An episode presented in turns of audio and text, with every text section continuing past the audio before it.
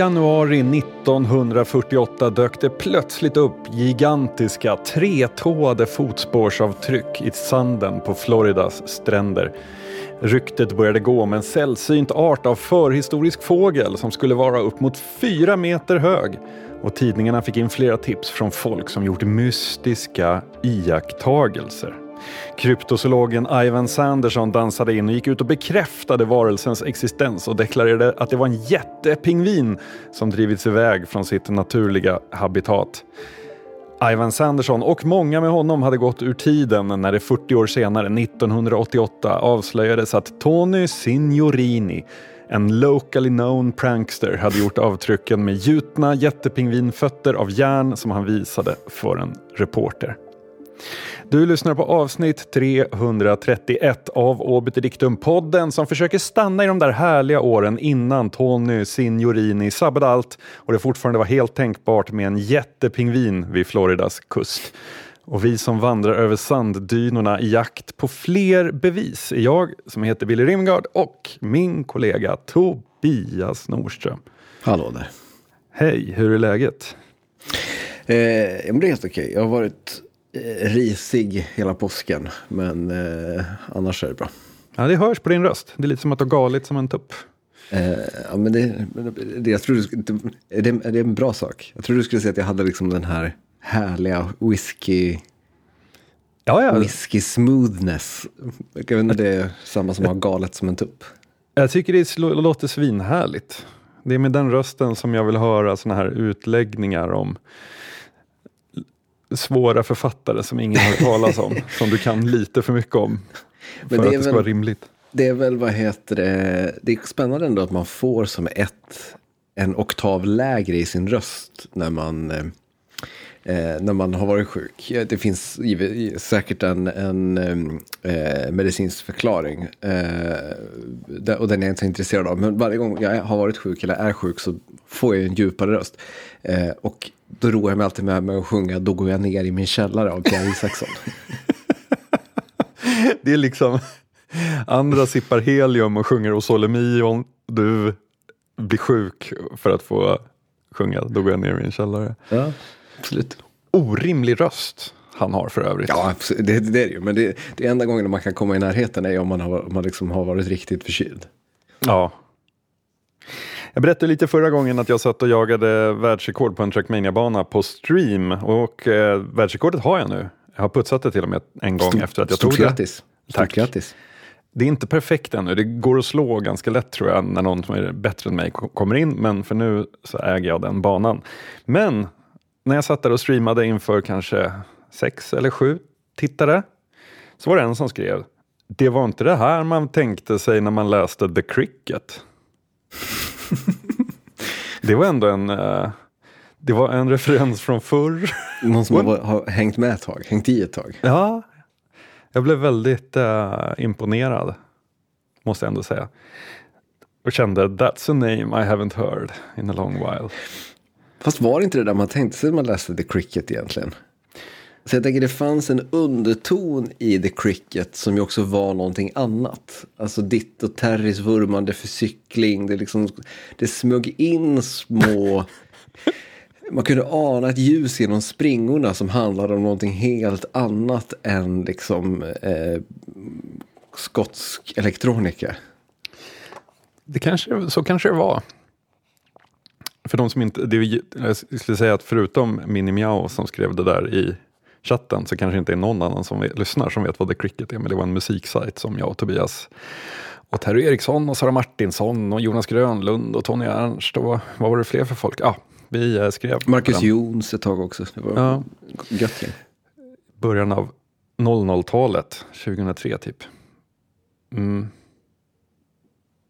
Finns den, den kan, jag tänkte på, finns den kvar? Men det kan den inte göra. Men det finns säkert något internetarkiv eh, någonstans. Ja, det händer att jag går in på Wayback Machine och läser eh, min eh, recension av Boom Bip.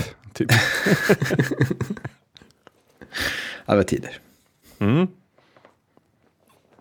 Eh, jag såg en kul, på tal om ingenting, eller på tal om, om andra tider kanske. Eh, jag såg ett klipp, det är en Super Mario-film eh, som går på bio just nu. Vi behöver inte prata mer om den. Men i samband med det så såg jag ett gammalt klipp från, eh, som, som, som var aktuellt i samband med den förra Super Mario-filmen. Minns du den förra Super Mario-filmen? Jag minns att det fanns en förra Super Mario-film, men jag såg den aldrig. Nej, jag, jag såg den nog inte heller tror jag. Jag har sett den i, såg den i vuxen ålder, men jag borde nog ha sett den som barn. Jag tror den hade imponerat mer på mig eh, 1993 när den kom än, än den gjorde typ 2013 när jag faktiskt såg den. Eh, men i den spelar ju då Bob Hoskins eh, eh Mario huvudrollen. Den är ju också live action ska sägas, den är inte animerad som den nya Mario-filmen. Men i samband med den då så eh, gjorde ju Bob Hoskins massa PR, massa intervjuer. Och i en intervju då så pratar, berättar han om att så här, när han hade fått den här rollen så berättade han det för sina barn. Eh, och eh, hans barn hade då bara så här typ Vet du ens vem det är du ska spela? Eh, och, och, och Bob Hoskins kände inte ens till tv-spelet och liksom bara nej, jag har ingen, ingen, aning. Och barnet då startar upp Super Mario Bros och visar den här lilla pixliga gubben och sa, och sa det där är du. Och Bob Hoskins sa, säger bara att eh, and I remember thinking I used to play King Lear. alltså, det, det, var här, det var där han hamnade så att säga. Eh, och jag, eh, eh, då, häromveckan då så såg jag en annan anekdot på samma tema svischa förbi min Twitterflöde som jag tyckte så här, ringade in någonting med vad franch, de här franchise superhjältefilmerna och allt gör med, de, med våra skådespelare. Det här var en, en anekdot från inspelningen av Spiderman 2. Och det är Alfred Molina som spelar Doc Ock i eh, Spiderman 2 som har berättat det här. Eh, att i en av scenerna då så har Doc Ock tagit Aunt May, alltså Peter Parkers eh, faster, eh, som gisslan och kastar runt med henne bland skyskraporna eh, för att locka till sig Peter Parker då som han vet är Spiderman om jag inte missminner mig. Hur som helst. Alfred Molina då och eh, kvinnan som spelar Aunt May, Rosemary Harris, eh, under inspelningen av det här fick liksom hänga i sådana här västar högt upp ovanför marken och liksom ja, bli filmade. Och det här tog ju liksom tid, som på alla filminspelningar. De fick liksom hänga det i flera timmar. Sen var det vet, en tagning och så fick de hänga det i 20 minuter och sen en tagning och så hänga det i 20 minuter. Och då har Alfred Molina då berättat att Rosemary Harris en gång bara sa tyst för sig själv I'm classically trained, you know. Hon är då så kom som gammal brittisk scenskådis. Eh, som tänkte, vad, vad gör jag med mitt liv? När jag, hänger här i en sån här tramsfilm? jag tänker att det är så här, det där är ju frilansarens motsvarighet till att så här, man blev en frilansare för att man ville skriva sköna musikkröniker eller intervjua intressanta konstnärer. Men istället så är man och gör tre dagar på så här Försäkringskassans landsdagar och intervjuar eh, olika region politiker. Eh, för att det är det som drar in cashen. Liksom. Mm. Det är exakt vad det är. Det är hårt. Men ett exempel på en sån där, jag kommer ihåg, vet Patrick Stewart har väl pratat om det när han blev castad till Star Trek, vilket jävla trams han tyckte det var. Eh, så här, inledningsvis, att han så här, typ håna sin agent när agenten kommer där och han provspelar och att han var så här, han var ändå motvalls väldigt länge, ska jag verkligen göra det här? Men att det sen var en sån aha upplevelse för honom när han stod i Central Park på så gratis eh, Shakespeare på sommaren och halva publiken satt i Star Trek-uniform framför honom. Att så här, just det, jag, I'm doing good here. Liksom. Jag, gör, jag, jag höjer folks kunskap om saker och uh, det här är en härlig community typ. Det är väl någonting med seeing young men in Vulcan ears trying to do the, the lines of, the, of the, the great bard eller vad man säger. Mm. Att det är det som är, har gjort det värt. Ja, det är fint. Ja. Hörru, på ett helt annat tema eh, så har jag en bild jag vill visa för dig. Mm. Eh, skicka den här i discorden. Mm. Kan du beskriva lite bara? Sätta scenen. Ja, det stinker eh, lokaltidning eh, om den här bilden. Det, det är ett fotografi eh, på fem stycken lite äldre individer, fyra kvinnor och en man. Eh, som eh, ser ändå ganska glada ut. De sitter vid, vid, ett bord. Två av dem sitter vid bordet. Tre av dem står bakom så att säga. Eh, ja, det, jag vet inte, finns det, är det någon detalj jag missar här som är av vikt? Det går väldigt mycket gulbrunt. Ja. Det, det, är, det är pensionärer helt enkelt. Ja, precis. Och du har helt rätt i att det är en lokaltidning. Spot on. Rubrik. Efter 136 år, Norra Möckleby syförening läggs ner. Så är det en artikel som berättar lite om syföreningens historia. Det hoppar vi över, vi går direkt på slutet. Det här är sista stycket. Detta, det sista årsmötet, leddes av Birgitta Olin som avslutade med en andakt och tillsammans sjöngs psalm 251, Var jag går i skogar, berg och dalar. Årsmötet bestämde sig sedan enhälligt att lägga ner Norra Möckleby Missionssyförenings verksamhet efter 136 års engagemang i bygden. Deltagarantalet är lågt och medelåldern är hög. Punkt. Mm. Och det fanns någonting som i det här som var... jag tyckte det både är otroligt kul på ett ganska mörkt sätt men också väldigt fint att de här fem individerna, det är de sista resterna av en 136 år lång linje som nu hänger upp galgarna en sista gång, stänger dörren, släcker lyset och går ut. Och de gör det genom att sjunga en psalm och konstatera att deltagarantalet är lågt och medelåldern är hög. Det finns ju något slags storkukslugn där i att liksom så här eh, bara, det, det är så man plockar ner skylten. Att man liksom bara bestäm, man tar det på årsmötet. Eh, jag tänker att det liksom, det vittnar på något sätt om en slags svensk självsäkerhet som vi sällan slår oss för bröstet över. Att vi är så trygga i att traditioner spelar ingen roll. Eh, alltså, det känns som att här, i många andra länder så hade liksom så här, att den här siffran har funnits i 136 år betytt så himla mycket. Men här för oss är det, liksom så här, det är mycket som har funnits i 136 år. Det är, det, det är liksom inget speciellt att den här, just den här siffran har funnits i 136 år. Det finns många sådana hembygdsgrejer som har funnits så, så länge. Så att om vi lägger ner, det gör inte, det är varken till eller från. Alltså det, det, många skulle säga att det kanske är liksom så en, en jantegrej, men jag tycker också att det finns en, som sagt, en självsäkerhet i det på något sätt. Att liksom så här, sitta lugnt i båten och, och veta att så här, nu är det tiden för det här förbi, nu tar något annat vid på något sätt. Mm. Ja men exakt, det är exakt så jag, jag, jag känner. Och det blir väl liksom när vi är pensionärer och känner att det är dags att sluta podda, då tycker jag vi ska sjunga psalm 251. Vi ska också sluta på det sättet. Det ska liksom inte vara något så här, vet, berätta i tre månader i förväg att då sen sista podden och sen gör något stort. Utan det ska liksom bara vara ett avsnitt helt plötsligt när vi bara säger att så här, nu är deltagandet lågt, snittåldern hög. Du skickade mig en dokumentär, en minidokumentär om vad som händer i eh, online-communities när spel har blivit gamla och servrarna tas ner. Mm. Det här är ganska länge sedan, det är ju säkert det är över tio år sedan. Men då var det någon så här i, den här, I slutet av den här dokumentären så spelades de sista tio minuterna från eller tio minuterna, men de sista minuterna från när, jag tror att det var Anarchy online eller någonting sånt där. Mm -hmm. Nej, inte Anarchy online. Ah, det var någon, något sånt där eh, online-spel.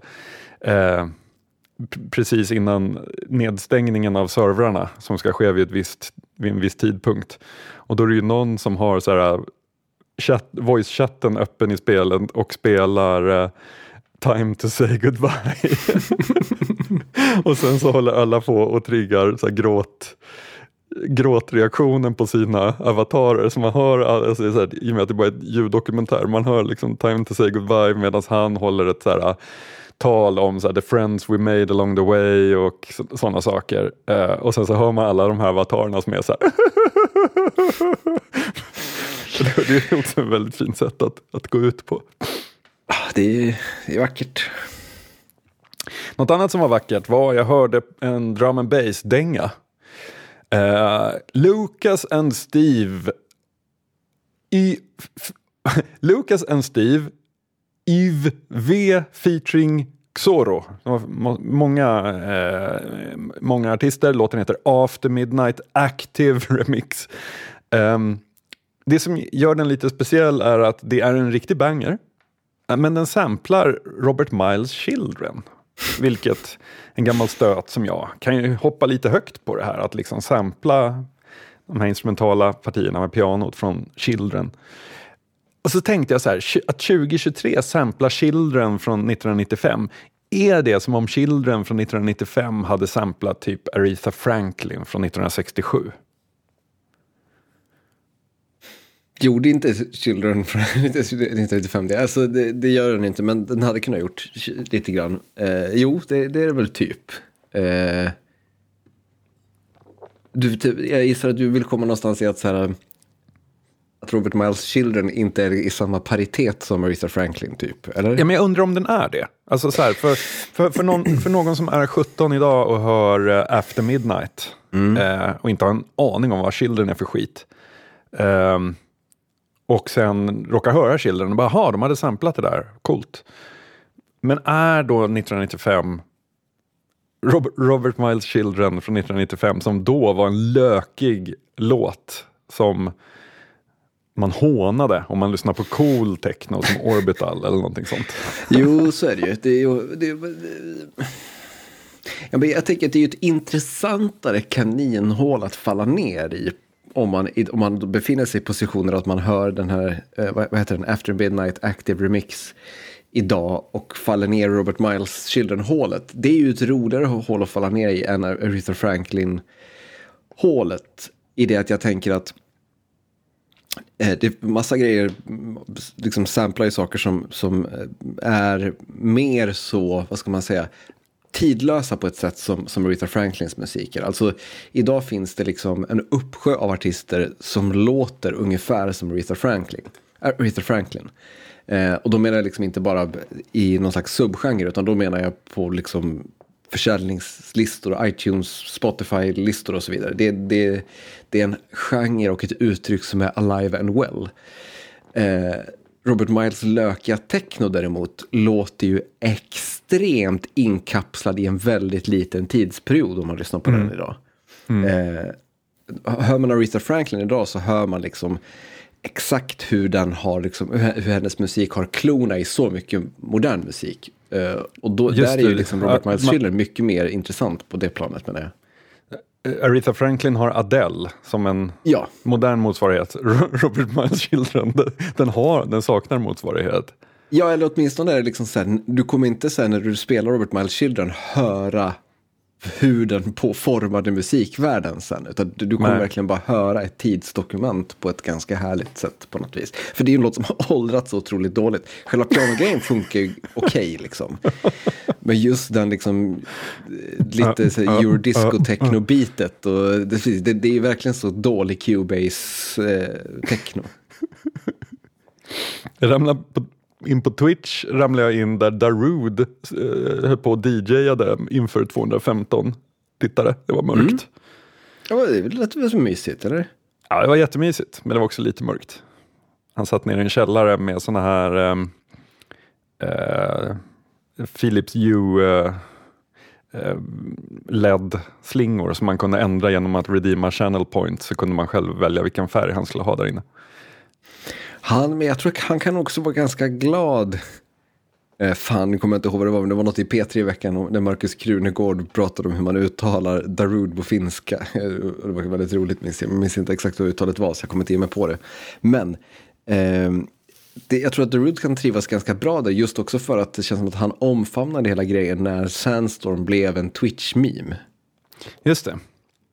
Eh, det finns ju något klipp där han spelar på typ DreamHack och så är det, när, det enda som är när han kör Sandstorm är liksom eh, kappa facet med en bild i bakgrunden typ. ja, härligt. Jag såg en um, intervju med Mick Gusowski som var inspelningstekniker eller pro producent och mixare av Daft Punks Random Access Memories. Förlåt, innan du berättar det här, såg du, eh, jag kommer inte ihåg vem av dem det var, men någon av dem gick ut och kommenterade att Daft Punk har lagt ner. Jaså? Eh, och varför de hade lagt ner. Okej, okay. nej, berätta. Du, jo, men det var det bästa jag sett. Eh, de, han sa bara, jag tror att det var Bangalter, skitsamma, han sa bara, det känns inte så kul att vara en robot 2023. det var ett perfekt sätt att summera, därför är vi inte Daft Punk längre. Jättekul. Verkligen. Jo men eh, deras album eh, Random Access Memory som kom, jag vet inte, 2015? Något sånt, 2014? Mm. Mm. 2013? för ett tag sedan.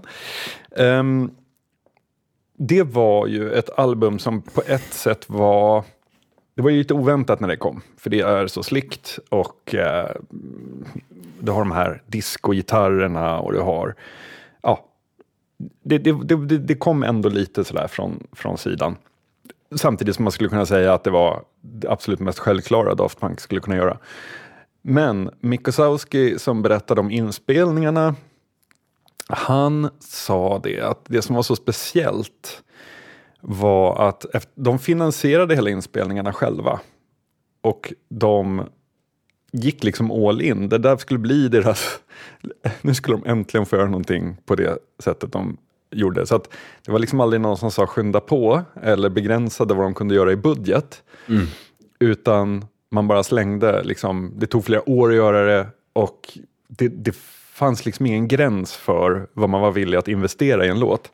Det som, det, det som du har sagt har varit eh, återvändsgränden för bra konst. ja, ja, ja, ja, absolut. Men bara en sån här sak som när de spelade in trummorna, så de, de, de vägrade ju använda någon form av plugins. De, allting skulle vara liksom gammal hårdvara. Och de ville när de spelade in trummorna använda den gamla hedliga tekniken att man mickar upp trummorna jävligt bra istället för att använda EQ. Så att man liksom spelar in det så som det ska låta eh, på, på albumet. Han berättade att alla vokoder, de är lagda i princip not för not. Bara, bara vokoderpartierna tog typ ett år att spela in därför att de skulle ha allting så perfekt. Eh, när de höll på att spela in då, de spelade såklart in på, eh, på band, analoga band, eh, och hade en bandare som heter Ampex ATR 102. Jag gick in och kollade och det finns en till salu på reverb.com för facila priset av 20 000 dollar.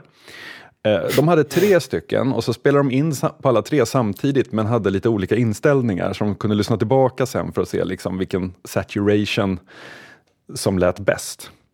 Och när ett band tog slut, då satte de inte bara på ett nytt en ny tejp och fortsatte spela in utan då ringde de en så audio precision engineer som kom in och gjorde liksom en full kalibrering av varje, av var och en av de här tre. Um, de hade en regel att de aldrig gjorde liksom Eh, alltså när man mixar eh, så kan man liksom labba med olika saker och sen så gå tillbaka. Man kan spara liksom inställningar och gå tillbaka till en tidigare inställning. Som det kallas för att göra recalls. Men de var så här, vi gör inga recalls. Eh, så att de jobbade bara på en låt i taget. Eh, och jobbade på den tills den var klar. Och ett annat exempel var så här, de skulle ha ett, ett, ett rumseko, ett reverb som heter EMT 140 som är ett sånt klassiskt reverb som är det är liksom en stor plåt så här, som man kör ljudet genom och så vibrerar den. Och de låter olika allihopa i och med att plåtarna är olika. Så de hade skaffat fyra stycken som de liksom testade med för att se vilket som lät bäst. Och när de skulle ha ljud till eh, rumseko på sången eh, så åkte de till Capitol Studios där, man, eh, där Oscars hålls bland annat i Hollywood.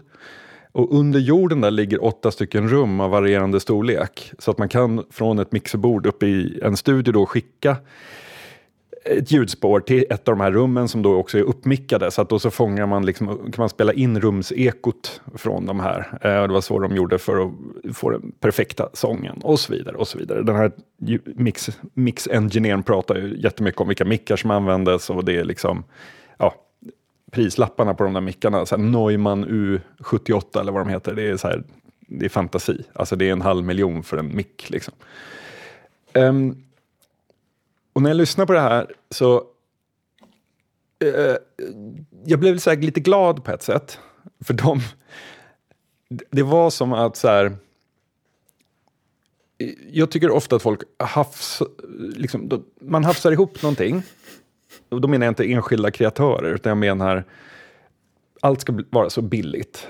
Eh, utgångspunkten är, det, ofta brukar man ju prata om att det finns en triangel där det är eh, billigt, bra och, och, snabbt. Och du kan bara få två. Du kan få det billigt och snabbt. Eh, du kan få det bra och snabbt, men då blir det inte billigt. Du kan få det billigt och bra, men då tar det tid. Ehm, och här var det som att liksom det här snabbt och billigt, det fanns liksom inte med i deras ekvation ens, utan här var det några som gick in för att göra någonting bra. Sen om det blev bra, det, det, vi kan ha en annan diskussion om huruvida random access memories verkligen är bra. Men eh, skitsamma, eh, det, är inte, eh, det är deras intention jag menar här, att det, det var liksom ingenting som No stone left unturned. Um, och jag tänker på så här, de här tomtarna i arkitektupproret som vill ha så här stuckaturer och Disney-tinnar och torn. De, deras argument faller ju allihopa på, oavsett om man gillar Disney-tinnar och eh, stuckaturer, det, det, det, är en annan diskussion. Eh, oavsett om man gillar det eller inte så faller liksom hela deras argumentation kring eh, hur hus och stadsbild ska utformas på att det finns liksom ingen som vill betala tredubbla priset för att eh, få ett Disney-ton. på, på, på, eh, så.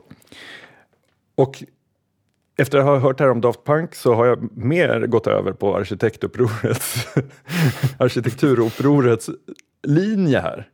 Att det kanske är alltså, avsaknaden av stuckaturer och Disney-tinnar. Det kanske är det som är problemet. För jag såg första avsnitten av nya säsongen av Succession på HBO. Och det som slog mig då var, och återigen, vi behöver inte prata om den faktiska kvaliteten, huruvida det är bra eller inte. Men de flyger riktig helikopter. En helikopter kommer och landar, de går in, de flyger iväg i helikoptern. Um, det är i sig själv så kostar ju det mer att göra Alltså det, det, är så här, där är det någon som har haft ambitionen att inte bara stå inne i någon soundstage och säga helikoptern väntar, okej, okay. och så går man ut genom dörren och sen är man framme och sitter i limon. Det hade varit det billiga sättet att göra. Men här har de en riktig helikopter. Det hade de inte behövt ha, men det finns en ambition. Och jag kan tycka i...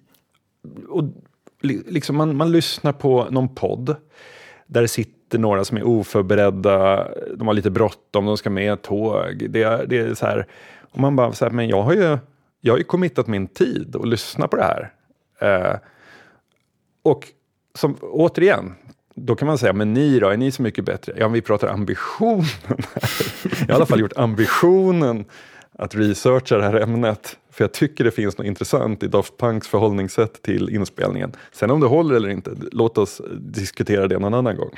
Men um, det var lite uppfriskande tycker jag att höra den här storyn om hur Daft Punk, i och med att det var ingenting de sålde in skivan med sen, att de hade investerat liksom en förmögenhet av privata pengar för att försöka spela in det här optimala hi-fi albumet på något vis.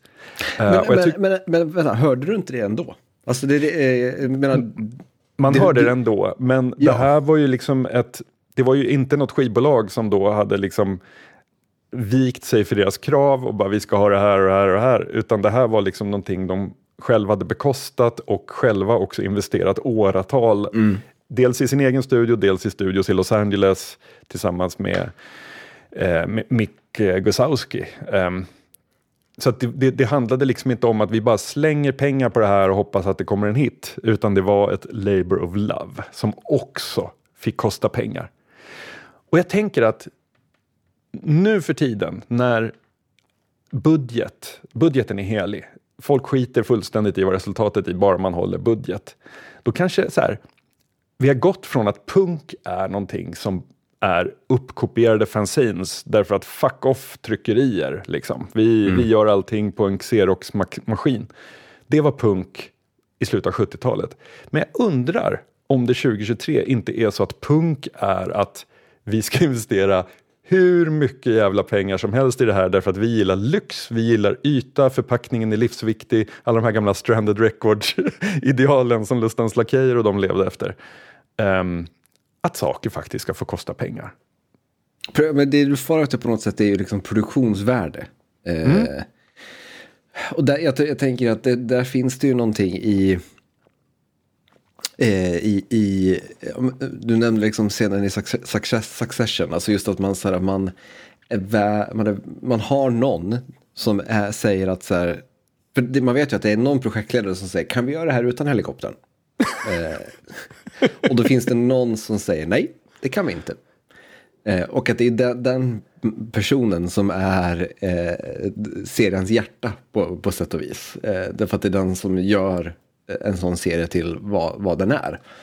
Eh, den som inte säger, ja ah, men vi kan, jo, vi, vi, vi skiter i helikoptern. Eh, och på samma sätt så liksom, jag tänker liksom för Daft Punk också i det läget de befann sig i när de gjorde Random Access Memories. Vad fanns det för annan väg att gå? Alltså det, det jag menar är på något sätt att så här, jag fattar ju att om du är Daft Punk och har gjort det de har gjort fram, fram tills den punkten i karriären så är det liksom så här, man kan inte sätta sig och göra en skiva till bara.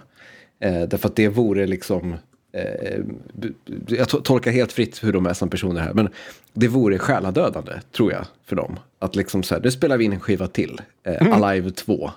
Eller liksom så här, eh, whatever. Um, och, det, och för det skulle liksom så bara, bara bli, bara bli eh, ja, men för dem en, en kreativ återvändsgränd. Och de däremot bara så här, vad händer om vi liksom the sky is the limit. Var, var, var hamnar vi då? Och det i sig blir liksom en slags en slags, liksom, eh, inte en begränsning, men det blir ett, ett, någon slags uppdragsbeskrivning som eh, blir en utmaning, om du förstår vad jag menar. Alltså, om vi använder det perfekta, den perfekta mikrofonen till det här, den perfekta bannaren som vi, som vi tycker är perfekt, vad händer då med, med, med den här musiken? Om vi liksom kan göra den eh, exakt så som vi tänker att det produktionskvalitetsmässigt är perfekt. Mm. Eh, så att jag, jag, är helt med dig att det finns någonting som är otroligt uppfriskande. Eh, och också att det är liksom... Ja, men att det... Att det, det, det man, man, man, det, för det finns ju något där att man inte tar de enkla lösningarna. Alltså man, man vill ha det där verbet, man vet att så här, det finns en enkel lösning här, det är att göra recalls och det, det, det är att köpa in de här pluggarna och liksom, eller vad, vad som helst, gå den digitala vägen. Eh, men då är vi inte liksom true till the mission objective på något sätt. Precis, och de, de hade ju gjort sin sovrumshouse, det var ju så de började liksom. Så jag, man fattar ju att den vägen inte är, är aktuell. så. Eh, men jag tänker att de, de har ofta varit före sin tid och här, i det här fallet så kanske de var jättemycket före sin tid. Ja, eller så var de efter sin tid. Eh, alltså de var liksom de här rockgrupperna på 70-talet. Mm. Eh, so, som de liksom på något sätt hade sneglat mot alltid. Alltså de här där som liksom sög ut skivbolagen och mm. gjorde skitdåliga skivor. Alltså liksom Jeff Lynne var de som bara så här lät eh, räkningen hos skivbolaget bara stå och ticka medan man eh, köpte in utrustning och liksom eh, anlitade ingenjörer och annat för att det skulle låta precis exakt så som man ville. Bara det att de hade liksom mål och mening med galenskapen på ett sätt som, som de på 70-talet inte alltid hade. Sen huruvida Jeff Lynne är skitmusik, det är också en diskussion vi kan ha någon annan Ja, gång. nej, jag säger inte att Jeff Lynne är skitmusik, men det finns ju en, en en bombastisk studio-onani-ådra som man definitivt kan ifrågasätta. Så kan vi ja. säga. Hans eh, citat, eh, varje dag på turné är en förlorad dag i studion, tycker jag. det är så jävla bra. Jag har levt efter det. Som någon som varit inomhus mer än utomhus eh, under hela sitt liv så älskar jag den. Ja, jag tar i alla fall med mig av det här och inspirerad av det så tänker jag att jag jag har en Frönnes eh, skiva på gång så småningom under året och jag har börjat spara pengar för jag vill anlita en som heter Amanda Parnell som ska mastra den. Hon är en av de bästa när det kommer till att mastra elektronisk musik. Och eh, det roliga är att det spelar ingen roll om du är en av de bästa därför att du, du är ändå en frilansare som letar jobb men jag tror inte hon är så billig. Eh, så jag ska, jag ska mejla och med en inquiry tänkte jag vad det skulle kosta att mastra ett album. Och så får det kosta lite pengar för att då har man ändå gjort det. Då kan jag ändå säga att den skivan som Amanda Parnell mastrade, den... så. Mm. Sist så pratade vi om att eh, Artemis 2s besättning stod för dörren att vi ska syna astronauterna i sömmarna. Eh, mm tänker vi ska prata lite grann om dem ändå. Ja. Eh, det var ju en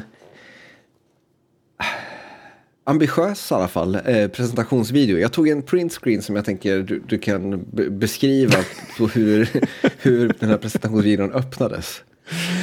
Ja, det här, det känns som en tematik som, det hade lik, alltså så här, vi ser bara en siluett i extremt starkt motljus och rök. Och vill man förstå hur dramatisk bilden är så kan man väl säga att det hade lika gärna kunnat vara Ripley som stod där i en powerloader i siluetten, eller hur? Ja, ja, absolut. Det ser, ut som, det ser mer ut som en stillframe från ett, en, en announcement trailer till något dataspel med att någon, mm. en karaktär är tillbaka eller någonting. Mm. Eh, och så där presenterades då de fyra eh, astronauterna som eh, ska leda Artemis 2 eh, och mänskligheten eh, ur jordens omloppsbana för första gången eh, sedan 70-talet. Det var en, en, en god samling eh, jänkare ändå och en kanaden, eh, kanadick. Eh, Jänkare som man vill ha dem. ja, men lite grann ändå. Your eh, grandfather's yankee. Ja, det var, vi pratade ju lite grann om det, vi får se om det är rätta virket. Och de kändes ganska mycket som liksom det rätta virket astronauter. vilket man kan uppskatta. Det var, liksom, det var, det var, det var vassa käklinjer. Det var, det var vad heter det, blickar som inte flackar eh, och så vidare. Det är ingen som går i terapi. Jag har sammanställt lite info uh, om de fyra. Uh, jag tänker att jag kan uh, dra lite info bara så kan vi diskutera vad vi känner för dem. Mm. Commander för då Artemis 2 är Reed Wiseman, 47 år från Baltimore. Eh, han är ingenjör, gammal stridspilot som var i strid senast 2003 i amerikanska flottan. Eh, gjorde sitt första och enda rymduppdrag 2014 med en 165 dagar lång vistelse på eh, ISS, alltså International Space Station. Eh, han har två barn eh, och hans fru Carol dog i cancer i maj 2020. Mm. Känner du Reed? Uh, hög, han skårar högt känner jag. Um, plus för Baltimore, plus för stridspilot. Men så finns det något sårbart där också med frun. Ja, eller hur? Han har sett mörkret. Han har, sett, han har varit där, han har vänt sig, nu, nu blickar han mot ljuset. Uh, Verkligen. Ja. Mycket bra. Han har också då kan vi säga eh, totalt 12 timmar och 47 minuters eh, EVA-time, alltså rymdpromenadstid. Ska vi mm. kanske också tillägga. Eh, Artemis 2s pilot heter Victor Glover, 46 år gammal, från Pomona i Kalifornien. Han är ingenjör med tre olika masters, också stridspilot i amerikanska flottan som ska ha sett action många gånger. Enligt NASA har han över 3000 flygtimmar i 40 olika eh, farkoster. Han har 24 combat missions under bältet. Eh, och har även han ett rymduppdrag, upp, rymduppdrag på CV eh, med Crew 1 som var den första eh, SpaceX-raketen som flögs till ISS 2020. Han stannade då på ISS, eller i jordens omloppsbana i 168 dagar och gjorde fyra rymdpromenader under den här tiden. Har då en total EVA-tid på 26 timmar och 7 minuter. Mm. Li ja, det där eh, trumfar ju på många sätt. eh, commandern. Um, de här 40 farkosterna som han ska ha flugit vill man ju gärna veta mer om. Mm. Hur många av dem som är hemligstämplade till exempel?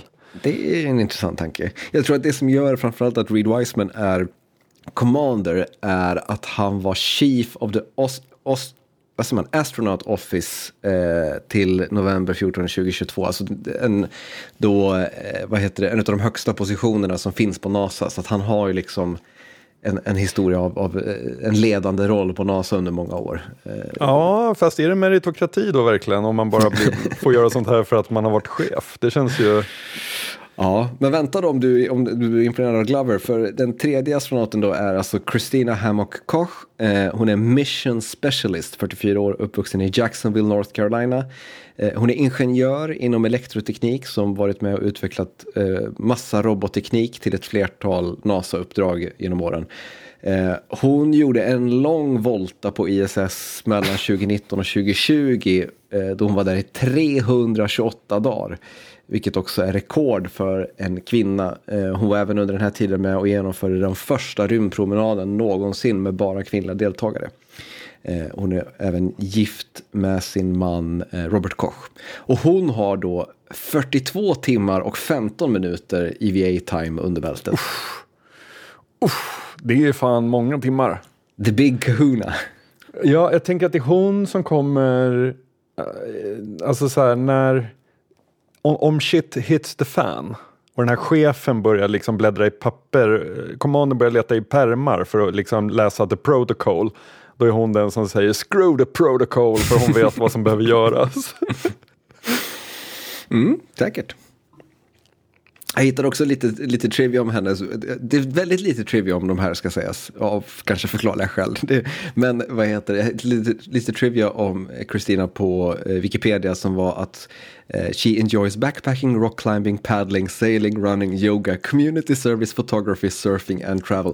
Vilket alltihop känns som så här perfekta hobbyverksamheter för en astronaut eh, på något sätt. Japp. När man har jorden under fötterna då gäller det att passa på. Ja, men exakt. Sist då, och kanske minst, eh, Jeremy Hansen som också är mission specialist, 47 år från London, Ontario i Kanada. Eh, han är rymdfysiker och överste i kanadensiska flygvapnet och var även han stridspilot mellan 2004 och 2009. Han är gift med sin fru Catherine och har tre barn. Eh, och Hansen då är lite av en specialare i det här gänget. Det, det, han är lite en katt bland hermelinerna. För han är med som ett tack till det kanadensiska rymdorganet CSA, alltså Canadian Space Agency, efter att CSA bidragit till Artemis-programmet med en viktig robotarm som eh, då är, är av avgörande art för att bygga den här Gateway-rymdstationen som, som hela Artemis-projektet bygger på. Eh, så att liksom som ett tack från NASA till CSA för att de har grejat den här robotarmen så får Jeremy Hansen följa med. För det är första gången han är i rymden överhuvudtaget. Och mm ska tilläggas, det är även alltså första gången någonsin en människa som inte är amerikansk medborgare reser bortom jordens omloppsbana. Jag anar en svag länk här. du vet när någonting går fel och de börjar förlora syre och någon öppnar en, eh, en, eh, ett skåp och han säger varför finns det bara tre syrgastuber?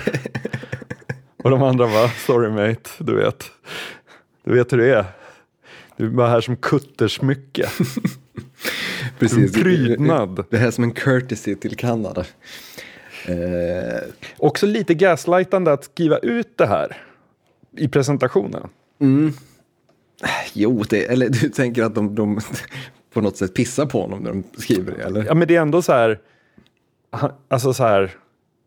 Jag tänker att han är lite som de här 8-9-åringarna som går ut med spelare till eh, matchen på fotboll. Att man vet att så här, ja visst, det är, väl, det är väl fett att ni får gå ut och hålla Messi i handen. Men vi vet också att ni fyller ingen funktion för fotbollsmatchen. Ni är liksom bara där. Ja, jo, kanske. Jag vet inte, det, det, det, jag håller med om att det, han känns ju lite inbjuden med armbågen. Men, men det är också, jag, vet inte, jag, jag, tror också att det kanske det känns tryggt med kanadensare på något sätt. Det känns som att de är ju, det är inte, det är inte han som kommer flippa. Nej. Det är kanske med det, det kanske är Wiseman ändå. Som, som...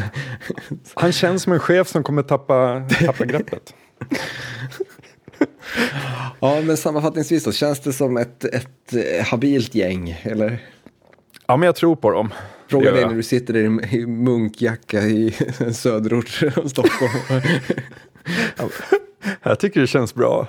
Av det jag har hört så känner jag mig trygg. Skönt. Eh, någonting som slog mig, alla de här du läser har ju en diger historia som stridspilot eller i flygvapnet så, och de är liksom multipla ingenjörer. Det som är lite, jag läste faktiskt en artikel om eh, hur svårt det kommer vara att rekrytera både astronauter men också trafikflygplanspiloter.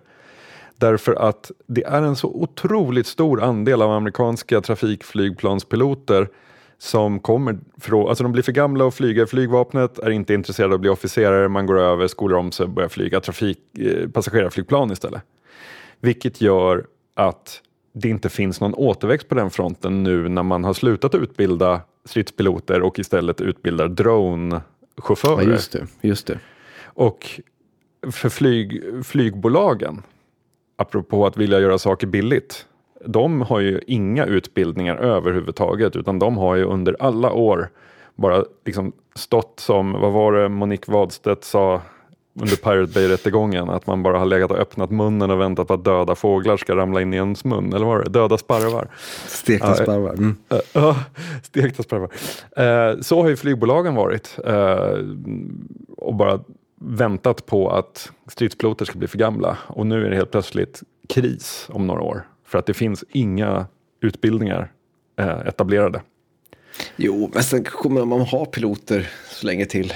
Nej, kanske inte. Jag tänker, det, det, är redan nu, ja, det är väl redan nu en AI som flyger planet. Eh, och sen sitter piloterna mest där ifall det går åt helvete. Eller? Ja, kanske.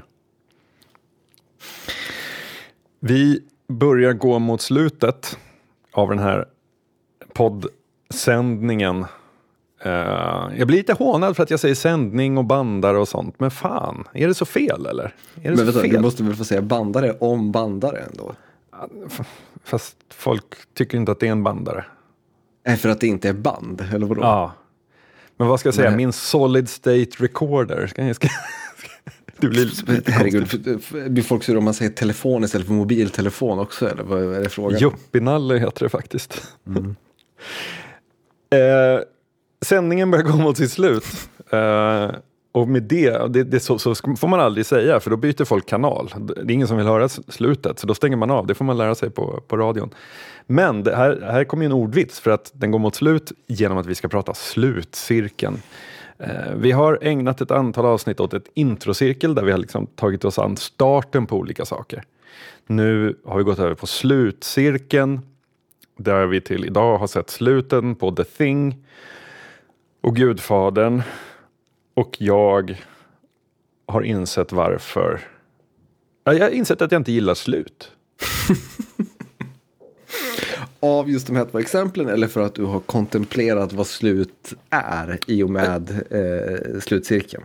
Jag har kontemplerat vad slut är och kommit fram till att det är det jag gillar allra minst när det kommer till eh, popkultur eller eh, litteratur eller någonting sånt för den delen. Men det här tror jag vi, det här tror jag, eh, vad heter vi, var inne på att det här var en liten klyfta mellan oss. Eh, mm. Eh, för det som på något sätt kanske var embryot till de här två cirklarna var ju att jag någon gång i höstas pratade om vad man föredrar, ett bra, en bra början eller ett bra slut. Just det. Eh, och att du då föredrog en bra början och jag sa att jag föredrar ett bra slut. Jag menar att inget slår ett bra slut. Eh, mm. Eftersom att ett bra slut är mycket svårare att få till än en bra början. Eh, mm. men, men, men låt höra, du, du berättade, varför gillar du inte slut? Därför att antingen så är det ett slut där allt ska förklaras, wrappas upp och liksom komma till någon slags klokhet eller någon sensmoral. Vilket Varför, undrar jag. Eller så är det ett slut som bara hänger i luften, där vi inte riktigt vet vad som händer eh, härnäst. Och då blir man ju lite frustrerad. Då vill man ju gärna kolla vidare i någon form. Fast jag föredrar ju helt klart det sista framför det första. Vi kan väl prata lite om det utifrån The Thing och Gudfadern som ändå har två ganska olika. Mm, verkligen. Vill, vill du börja med någon, någon speciell av dem? Eh, vi kan väl ta The Thing helt enkelt. Um, efter en timme 40 minuters kamp mot den här uh, shapeshiftande monstret och ingen vet vem som är människa och vem som är monster. Så har de bränt ner sin Antarktisbas. Den står i lågor. Eh, de är två överlevande. Den ena frågar vad gör vi nu? Och eh, Kurt Russell svarar jag vet inte, vi kan väl bara vänta lite och se vad som händer. Och så panorerar kameran ut så att de två, det är, mörk, det är mörkt, det är snöigt, de försvinner i liksom synfältet i skuggorna, man ser bara de här lågorna som brinner och man vet ju att så här, antingen så eh, dör de i kylan eller så var någon av dem monstret som kommer att hibernata i väntan på att människor kommer dit och ska rädda dem. Så monstret kan fortplanta sig, typ. Det är väl de två möjliga vägarna som finns därifrån. Va? Ja, men typ. Fast jag skulle säga att det är väl heavily implied att de bara dör där. Eller att det ja. liksom är... Att poängen är på något sätt att vi kan väl bara vänta lite för att det är ju kört hur ja. vi än gör. Alltså, det är liksom ointressant på ett sätt vem av oss, vem av oss som är infected, om någon av oss är det. Är det eh, eftersom att vi båda är döda på något plan. Mm. Och jag tycker det, det, det är ett ganska starkt... Alltså det är mycket roligare än att kavalleriet kommer in och räddar dem.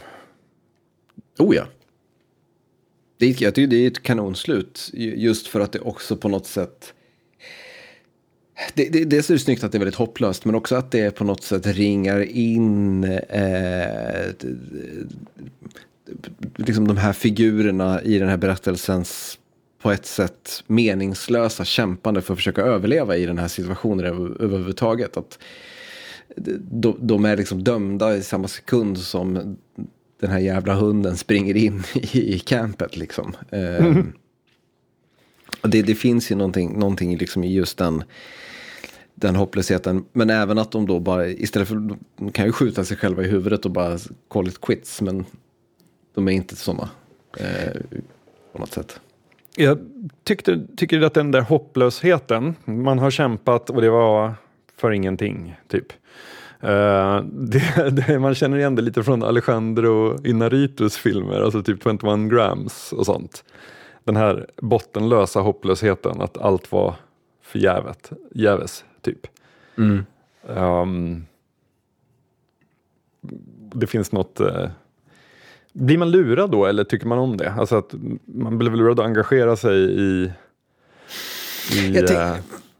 jag, tänker att man, så här, det, här, det måste ju funka, för det, i det här fallet så funkar det också för att det på något sätt är liksom, det stämmer överens med vilka de här figurerna är på något sätt. Alltså de, de är de här hårdkokta Arktis-personerna som liksom bara biter i det sura äpplet snarare än att sitta liksom sura eller liksom bli, bli um, upprörda eller alltså det finns ju liksom en annan version där man inser att det är kört och man bryter ihop.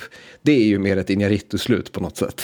Mm, mm. eh, men, men de här är ju cowboys liksom på, på något plan.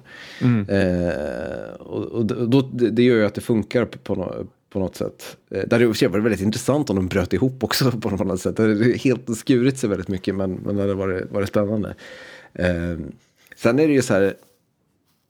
Jag kan ju på ett, ett sätt känna att det här är liksom på ett sätt den bäst, det bästa sättet men också liksom ett lite tråkigt sätt att sluta på. Det här är ju liksom motsvarigheten till konstnären som väljer att nu drog jag sista penseldraget på ett sätt. Alltså att den här, här, hit kom den här berättelsen och här slutar den här berättelsen. Vad som händer sen vet vi inte. Vad som händer sen är på, liksom på ett plan ointressant, på ett plan eh, är det liksom intressant att tänka på och diskutera.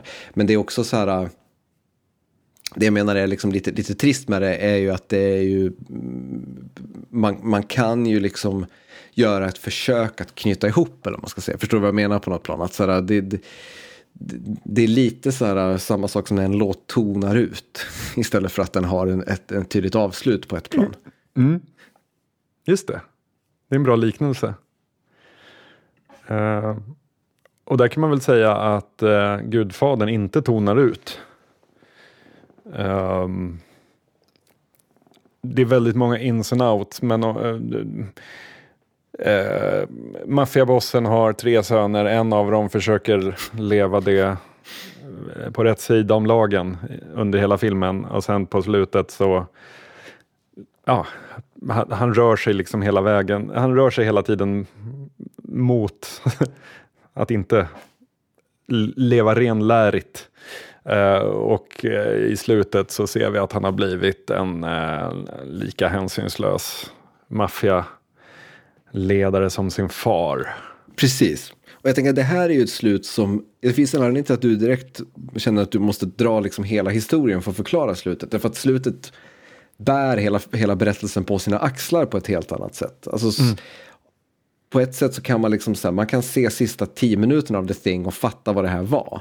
Mm. Att se de sista tio minuterna av Gudfadern säger ingenting på ett plan om du inte har sett resten av filmen. För att allting får liksom vikt av resten av filmen.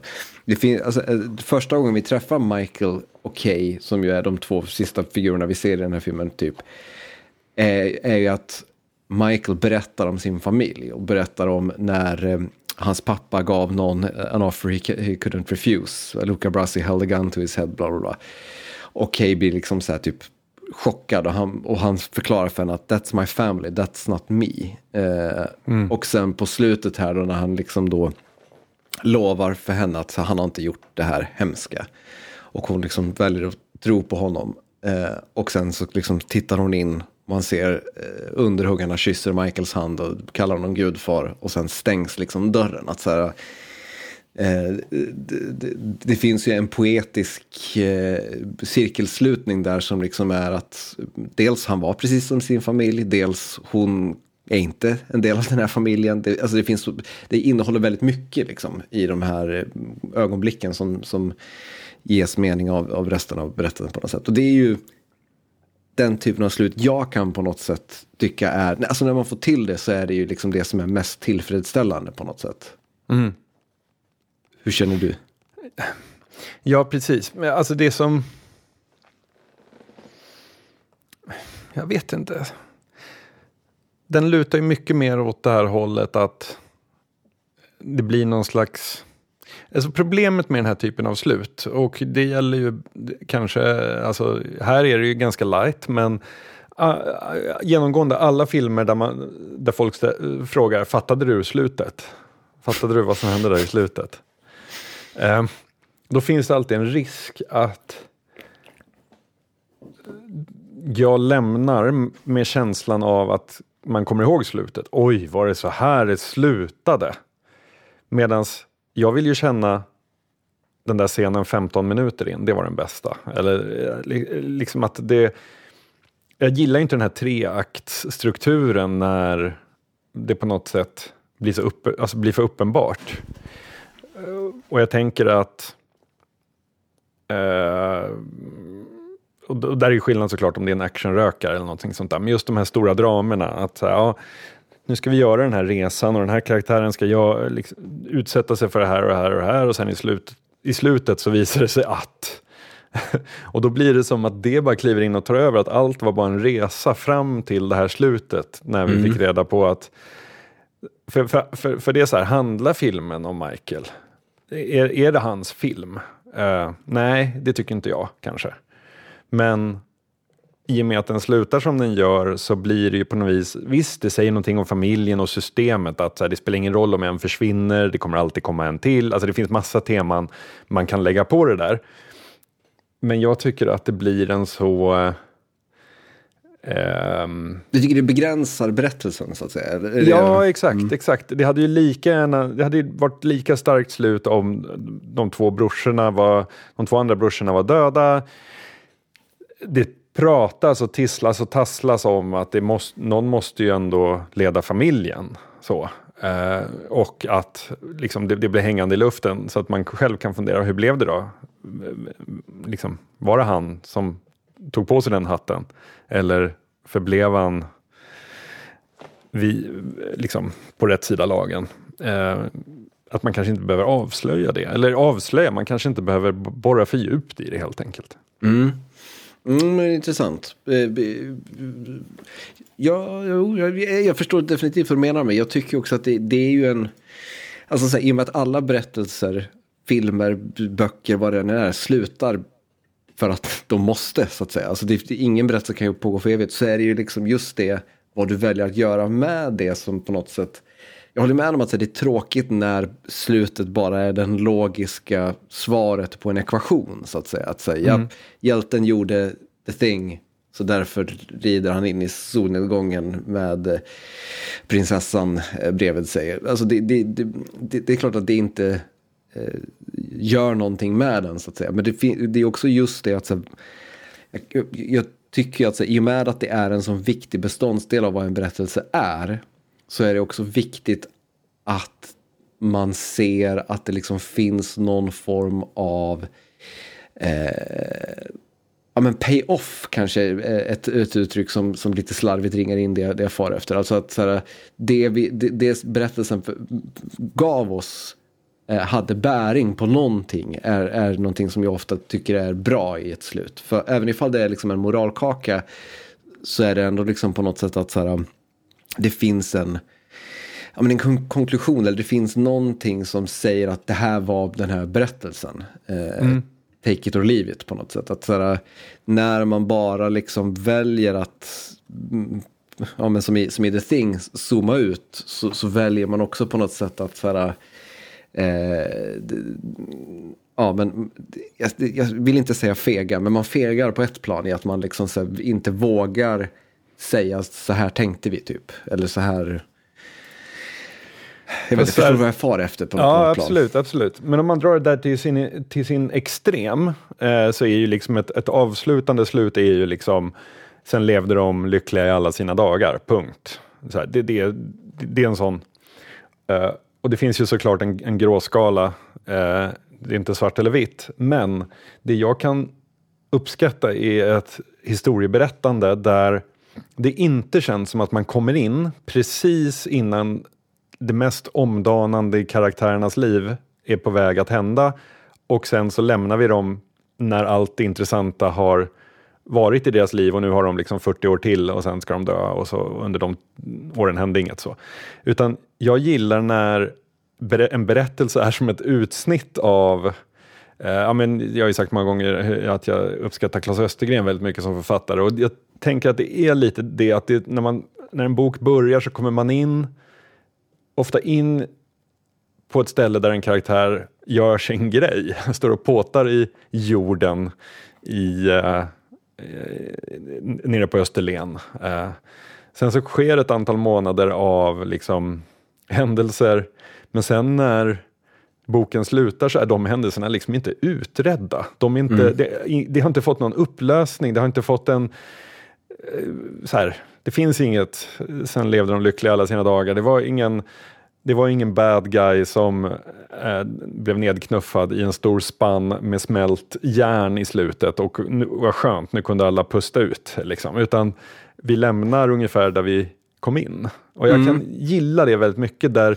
liksom payoffen inte är vad som händer utan payoffen är den känslan man har fått på vägen så att säga. Att det bara kan... är abstrakt mer. Liksom. Ja, alltså jag kan gilla det också jättemycket. Men jag, jag tänker att så här, även när du berättar den typen av berättelser så berättar du om signifikanta händelser och ögonblick som karaktärerna är med om. Mm. Och att, att bara välja att flytta slutet till så att det inte ligger dikt an mot ett signifikant ögonblick gör det liksom, det gör inte jättemycket för mig eh, ofta. Eh, i och med att så här, Eh, det, så det kan vara snyggt, ett, snyggt grepp på, på, på många sätt. Och, och, jag ska säga så här, ofta så de sluten som försöker knyta ihop det, eller som försöker liksom landa i någon slags konklusion, misslyckas ju för att det liksom blir förutsägbart. Eller det blir liksom, eh, som, precis som du var inne på, att man liksom bara, ja, vad, vad tänkte du om slutet? Alltså det, blir, det blir liksom ingenting av det riktigt. För, eh, och det är därför på något sätt att det, det är därför jag gillar dem när de funkar. För att det på något sätt är det som är konsten på något sätt. Alltså det är det som är utmaningen. Eh, just för att det, eftersom att det är svårt. Mm. Eh, det, och det är därför också jag gillar slutet, för att slutet är så mycket svårare än början. Början har du liksom alla möjligheter i hela världen, Slu, slutet så har du inte det. Och det är därför det blir liksom så jävla bökigt och de flesta sluten inte är, säkert, är lika bra som början på saker. Oftast där alla plot holes kommer fram också. Ja. Eh, jag tänker så mycket på, på Inception, där det är någon som skrev liksom man såg den, man tyckte om den. Sen läste man på Twitter någon som skrev varför flög bara inte Michael Caine barnen till Europa om han ville träffa dem? Liksom. Och man bara, ja. Där faller ju liksom hela slutet, hela Just premissen. Då står man som han i Yrrol och bara tänkte inte på det. Exakt. Ja, men det är som att hela premissen faller och då blir helt plötsligt helt ointressant varför den där, eller liksom huruvida den där eh, eh snurran kommer sluta snurra eller inte. Liksom. Ja. Alltså, jag, jag måste ju säga att min... Eh, efter, efter det här... Det är inte så att jag känner det inför slutcirkeln. Men jag tänker så här. Jag tänker att slutcirkeln... Måste få ett slut. Nej, men det är också liksom mer eh, precis som jag använde introcirkeln, en canvas för att diskutera vad slut är. Mycket mer än det är att liksom, så, hitta någon slags kanon över de bästa sluten eller bara titta på bra slut. Det är inte det det handlar om tänker jag. Nej. Utan det, det det handlar om är ju mer att prata om hur slutar man saker, vilka olika typer av slut finns det? Alltså förstår vad jag far efter? Att, såhär, ja. För där tycker jag ändå att det, det finns, hoppas jag, saker att prata om. Mm. Um, du vill sluta här? Nej, nej vi, kan, vi, kan köra, vi kan köra ett till. Um, ett slut jag jättegärna skulle vilja prata om. Mm. Men det är ju en ganska stor investering i tid om man inte har sett eh, hela eh, såklart. Men eh, det är Once upon a time in Hollywood av Quentin Tarantino. Mm. Taget. Eh, och då tänker jag liksom från från när inbrottet sker. Får man säga så utan att spoila? Mm, det, är, mm. det är väl lagom. Jag lägger till ett då, så, så betar vi av. Vi kan ju tänka att vi inte behöver göra lika många installationer i alla fall av slutcirkeln. så jag slänger in, eh, eh, eller så här, vi gör så här vi kör Once upon a time in Hollywood bara nästa gång. Och sen gången därpå så kör vi The usual suspects. Vi kan diskutera twistar en, en ja, vända. Ja, ja. För det är ändå en egen kategori som jag tänker det finns mycket att säga om. För Once upon a time in Hollywood, där tänker jag att vi ska prata om när man drar ur, eh, vad är det heter, när man bara drar, eh, drar ur sprintarna ur alla bromsar och lägger i liksom, bara låter tåget rulla liksom för egen maskin på något vis. Eh, ett crescendo mm. på, på, något sätt. Ja. Kul. Då eh, så tar vi och eh, avslutar för idag. Tack för att du har hängt med och lyssnat. Tack till alla er som sponsrar podden på Patreon Patreon.com slash oddpod. Eh, supporta gärna vårt lilla värv där. Mm. Så ses vi igen om två veckor. Det gör vi. Ha det fint tills dess. Hej då.